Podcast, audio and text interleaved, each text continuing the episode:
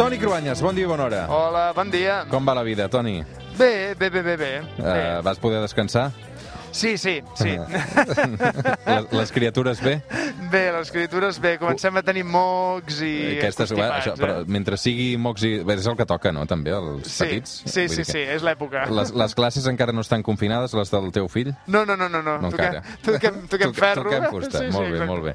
Um, uh, per cert, uh, aquest és un primer cap de setmana ja amb restaurants tancats. Uh, no sé si has aprofitat per sortir de casa gaire i, i veure l'ambient o no? Home, sí, a veure, hi vam sortir a passejar una mica, però, a veure, entre el fred i tot plegat, em sembla que avui us escoltaré tot el matí. Aprofito per fer canvi de roba, d'armaris, que Ho ja hem, toca. notat, ho hem notat aquestes dues últimes setmanes que, com que la gent eh, s'està començant també a prendre consciència de que s'ha de quedar més a casa, eh, l'audiència digital, sobretot, que és del que tenim dades, està pujant per moments. Compte-m'hi, ja m'hi pots comptar a mi també. Molt bé. Aquesta setmana, els telenotícies, el Cruanyes i companyia, doncs no han parat d'explicar l'última hora d'aquest coronavirus, i, però, hi ha hagut temps també per parlar d'una commemoració, aquesta. La idea de fer una llamborda pel president Companys arrenca fa uns 3 anys per iniciativa d'una associació alemanya de germanament entre... Això és una altra història, aquest espai que cada diumenge fem amb el Cruanyes, on repassem també eh, la història a través de l'actualitat. El dijous dia 15 va fer 80 anys de l'afusellament del president Companys, Toni. Sí, la imatge del dia va ser la llamborda commemorativa davant del Palau de la Generalitat. Eh, D'aquesta manera se'l reconeix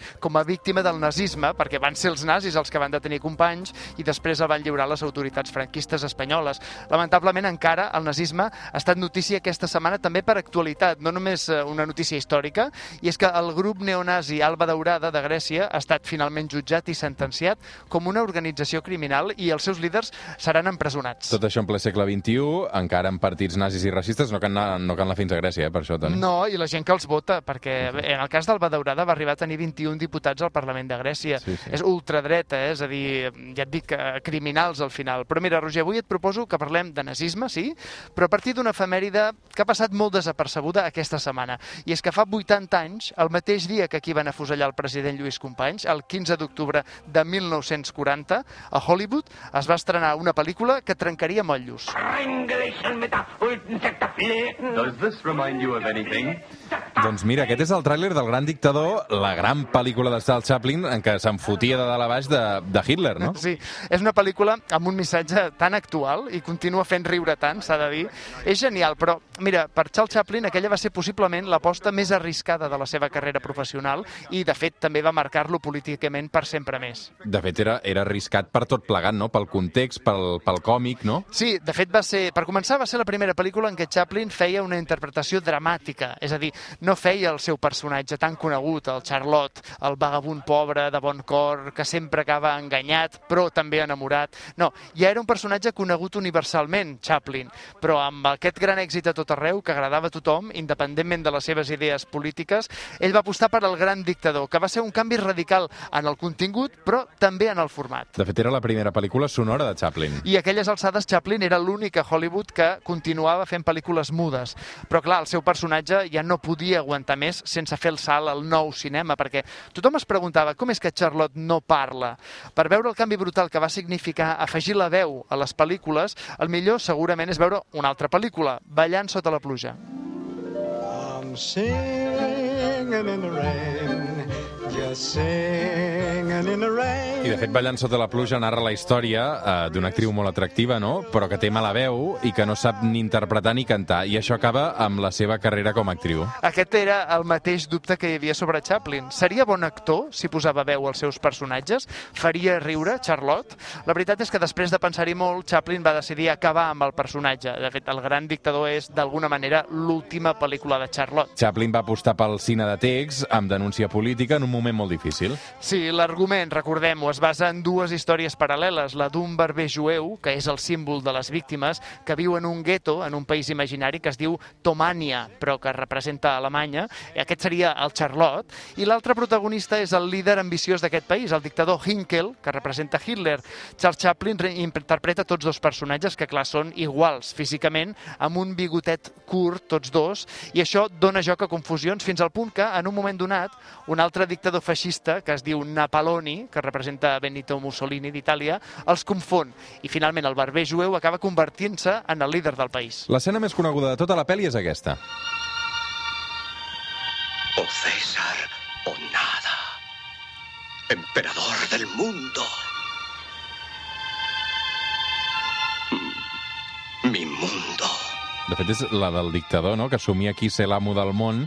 De fet, juga amb una bola de, del món ballant amb la música de Wagner de fons. Eh, és una crítica molt dura, no? Sí, és una imatge, jo crec que tots la tenim guardada al cervell des de que l'hem vist, no? Chaplin va estar tres anys escrivint i reescrivint el text, pensant, fent proves amb els personatges.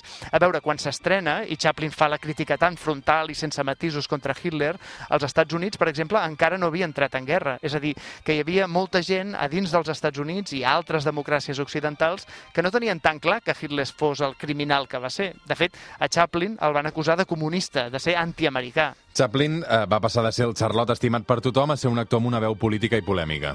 De fet, els principals diaris nord-americans el van boicotejar en el seu moment.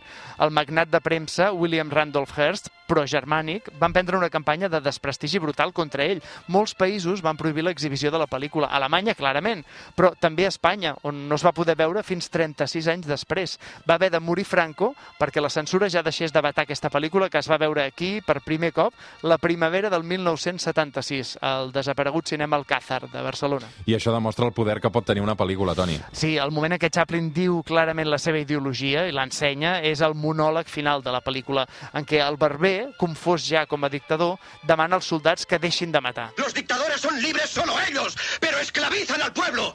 Luchemos ahora para hacer nosotros realidad lo prometido. Todos a luchar para libertar al mundo, para derribar barreras nacionales, para eliminar la ambición, odio brutal, eh? Sí, és molt És fort. brutal.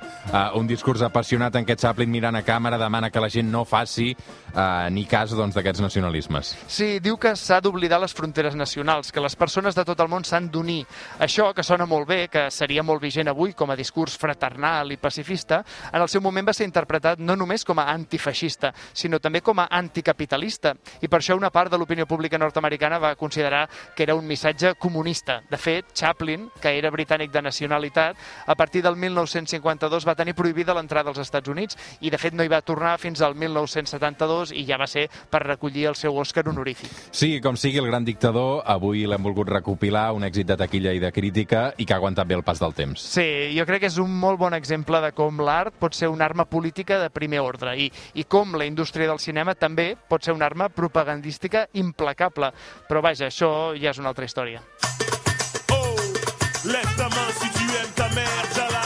Avui arribarem fins les 9 del matí, Toni, amb una cançó que forma part de la banda sonora d'una altra pel·lícula dedicada a un dictador. En aquest cas és una pel·lícula de Sacha Baron Cohen del 2012 que es diu El dictador. Toni, que tinguis bon diumenge. Ànims amb les criatures, també.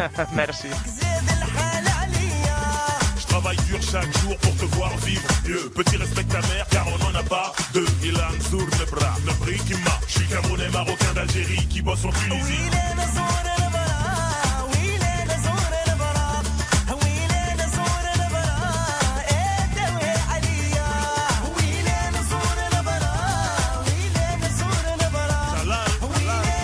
El suplement. Ràdio amb esperit de cap de setmana. Amb Roger Escapa.